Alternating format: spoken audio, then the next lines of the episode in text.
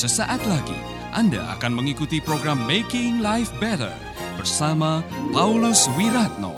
Selama 15 menit ke depan, Anda akan belajar membuat kehidupan lebih baik. Saya kasihan dia.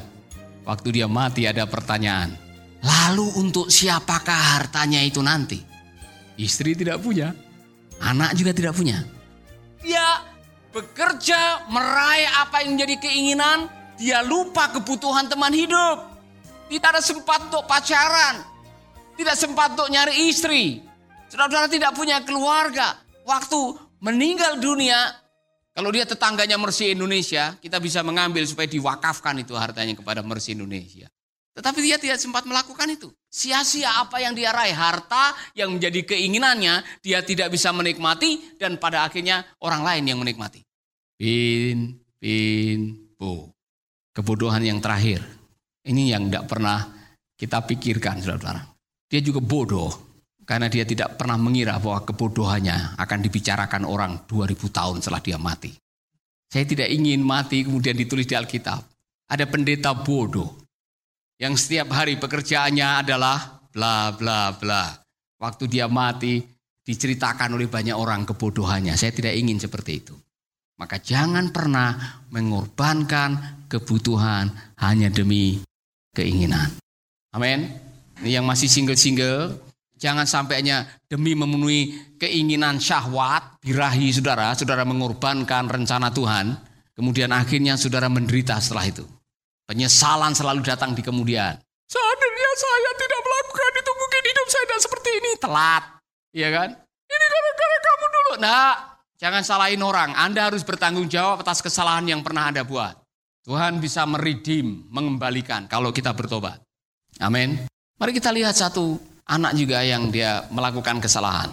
Dia ingin supaya punya harta banyak, bisa hidup pesta pora, kemungkinan dia bisa mau menikmati narkoba, dia minta warisan lebih awal. Sudah tahu siapa namanya anak itu? Ya, anak kurang ajar.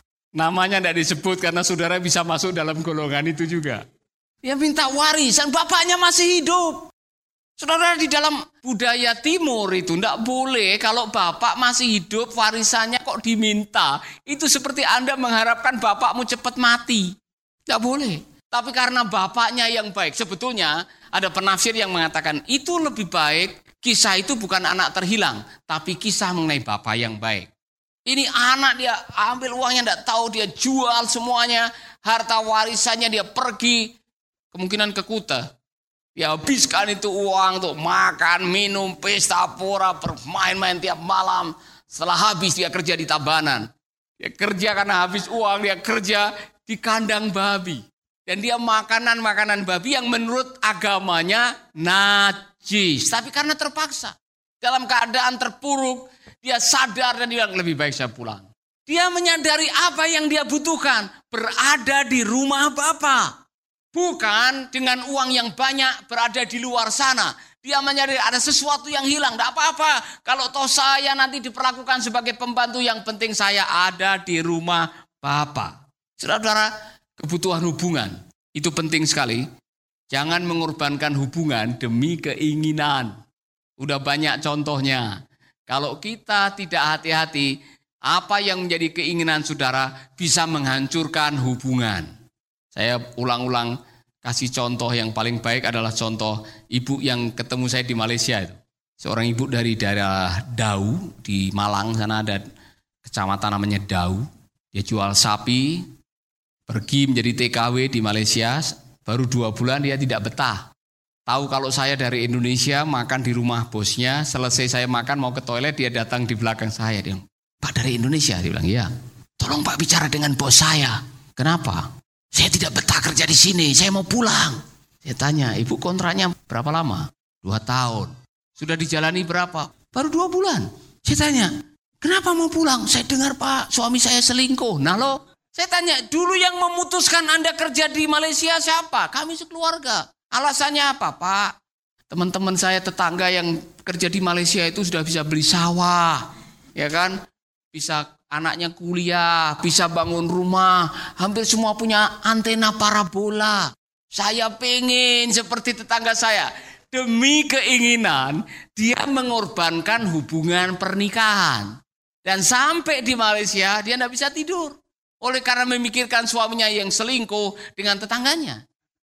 Pelajaran bagi kita semua, jangan hanya demi sebuah keinginan Anda mengorbankan kebutuhan. Kita semua sejak dari lahir sudah ada yang namanya kebutuhan. Abraham Maslow memberikan klasifikasi kebutuhan-kebutuhan yang mendasar, ya kan? Kebutuhan untuk dicintai, kebutuhan rasa aman, kebutuhan untuk diterima, kebutuhan untuk makan, kebutuhan rasa aman, kebutuhan untuk e, mengaktualisasikan diri saudara itu kebutuhan. Kalau itu tidak dipenuhi hanya demi keinginan, Anda akan menderita. Amin. Oleh karena itu mari kita kembali ke sini, kembali kepada kebenaran. Jangan sampai waktu Anda menderita sekarang gara-gara Anda mengorbankan kebutuhan hanya demi keinginan kemudian menyalahkan Allah. Oh ini pencobaan datangnya dari Allah, salah. Siapa yang pengen iPhone X, S, Mac hanya untuk mendapatkan itu kemudian Anda jual diri contohnya. Atau jual iman saudara. Kemudian setelah saudara menderita yang disalahkan Allah. Tidak boleh. Kita yang salah membuat keputusan, kita harus bertanggung jawab atas keputusan kita. Anda masih bersama Paulus Wiratno di Making Life Better.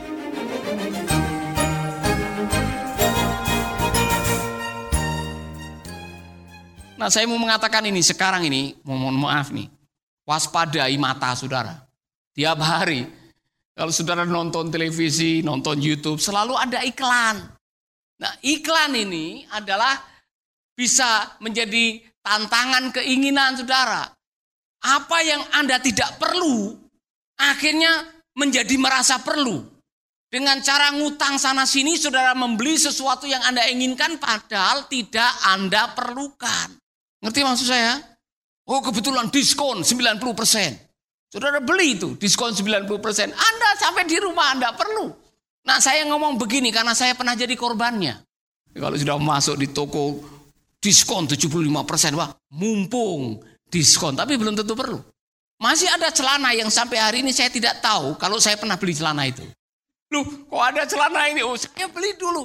Padahal saya tidak tahu, saya tidak perlu. Hanya karena waktu itu murah, diskon. Nah untungnya saya bayar pakai uang saya sendiri. Ada orang-orang yang membeli sesuatu yang dia tidak inginkan dengan uang yang dia tidak punya.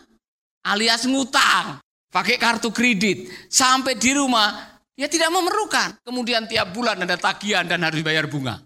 Ya kan? Akhirnya hubungannya hancur. Nah saya mau sedikit mengikuti kisahnya seorang ibu yang katanya terjerat hutang 10 miliar karena harus membayar bunganya tiap bulan 200 juta dan dia mengorbankan hubungan pernikahannya karena dia tega merekayasa pembunuhan suaminya dan anak tirinya.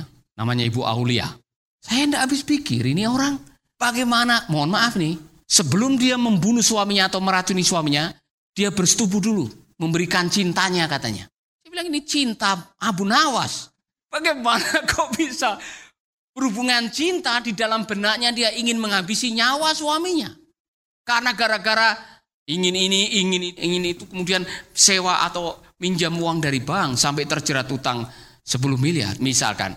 Ini adalah contoh di dalam kehidupan bahwa ketika Anda mengorbankan kebutuhan hanya demi keinginan dan Anda tidak bijaksana karena tidak bisa mengelola keinginan, Anda akan menderita akibatnya dan kadang-kadang akibatnya jauh lebih lama. Ini sifat dosa. Nikmatnya sementara, penderitaannya lebih lama. Kapten Smith tidak pernah menyangka bahwa dia akan tinggal lebih dalam dan akhirnya korbannya lebih banyak gara-gara tidak mendengarkan apa yang dikatakan oleh kapal yang lain bahwa kapal Titanic yang dia kemudikan itu salah arah. Kalau kita tidak mau dengar suara Tuhan bahwa kita sedang melakukan sesuatu yang salah, kita akan jadi korbannya dan orang-orang lain bisa menjadi korban atas kelakuan kita. Saudara-saudara, mari kita belajar menaklukkan keinginan. Jadi benar apa yang dikatakan oleh Rasul Paulus, aku telah belajar mencukupkan diri. Ternyata untuk mencukupkan diri itu perlu belajar. Ya kan? Amin. Kalau memang waktunya tinggal di kos-kosan, cukupkanlah dirimu tinggal di kos-kosan. Tidak usah tiap malam merintih dan menangis dan mengatakan ya nasib, ya nasib. Kenapa? Saya tinggal di kos-kosan. Kemudian setiap kali lewat di rumah tetangganya yang punya rumah sendiri, saudara menangis meneteskan air mata. Saudara tidak bisa menikmati hidup. Kalau saudara sedang diizinkan untuk tidur di bawah, tidak punya tempat tidur, saya pernah mengalami itu. Kasur aja nyewa atau pinjam dari orang, nikmati. Syukuri apa yang ada, hidup adalah anugerah, ya kan? Masih tahu kelanjutannya kan? Tetap jalani hidup ini dan lakukan yang terbaik. Jangan ngomongin orang yang punya lebih. Saudara tidak bisa menikmati hidup karena membandingkan diri dengan orang. Waspadai keinginan saudara. Pernah ketemu dengan orang yang setiap kali ngomong, dia selalu tanya, kamu punya berapa? HP-mu merek apa? Gajimu berapa sekarang? Kamu sehari makan berapa kali? Lama-lama setiap kali mendengar temannya, oh saya makan enam kali, aduh saya baru sekali. Nah dia nangis ya kan? Orang ini tidak siap menerima kelebihan orang lain karena dia sendiri tidak bisa mensyukuri apa yang ada.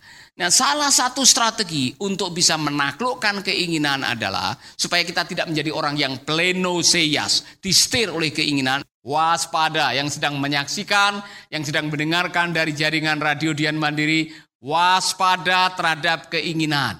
Firman Allah mengatakan, jangan pernah menginginkan harta tetanggamu atau istri tetanggamu. Jangan. Karena Anda menginginkan aja, Anda sudah berdosa. Itu bukan hak saudara. Nikmati apa yang ada. Amin. Syukuri, masing-masing kita sudah diberi jatah oleh Tuhan tiap hari. Kalau jatahnya setengah gelas, syukuri yang setengah gelas, tidak usah melihat yang gelas penuh sana, tetangga saudara. Nanti saudara tidak bisa menikmati yang setengah gelas yang ada di depan mata. Amin. Adanya nasi dengan ikan sambal, bersyukur. Tidak usah tanya tetangga, eh tetangga masa apa di sana? Tetangga bilang ada ayam goreng, babi guling. Kemudian saudara menyanyi, meskipun saya susah. Akhirnya Anda tidak bisa makan. Apa yang ada di depan? Bodoh.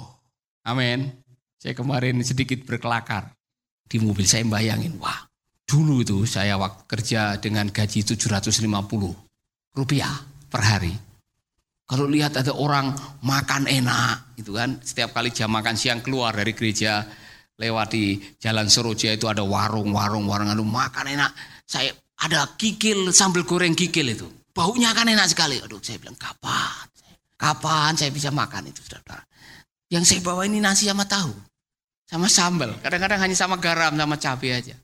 Nah kalau saya makan di situ, kemudian saya lihat Orang makan dengan ayam goreng, sama kikil sambil goreng. Saya tidak bisa makan apa yang ada di depan itu. Karena saya membanding-bandingkan. Lebih baik saya tidak usah keluar. Ya kan, syukuri apa yang ada.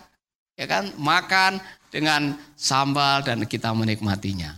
Amin. Jadi saudara-saudara belajar mengelola keinginan. Amin. Nah, saya mau menyampaikan ini karena ini penting sekali. Pelajaran yang buat saya, buat saudara dan saya, belajarlah apa yang ada, syukuri. Belajar bersyukur, apa pun yang ada di depan. Ada apa pun juga yang ada di depan mata saudara, bersyukur. Itu salah satu cara menaklukkan keinginan. Amin.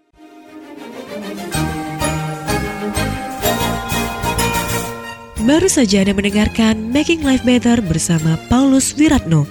Jika Anda diberkati, kirimkan kesaksian Anda ke Radio Dian Mandiri Jalan Intan LC2 Gang 4 Nomor 1 Denpasar, Bali. Kunjungi website kami di www.pauluswiratno.org, Facebook Paulus Wiratno. Hubungi kami di 081 338 665500. Sekali lagi 081 338 665500. Terima kasih, Tuhan memberkati.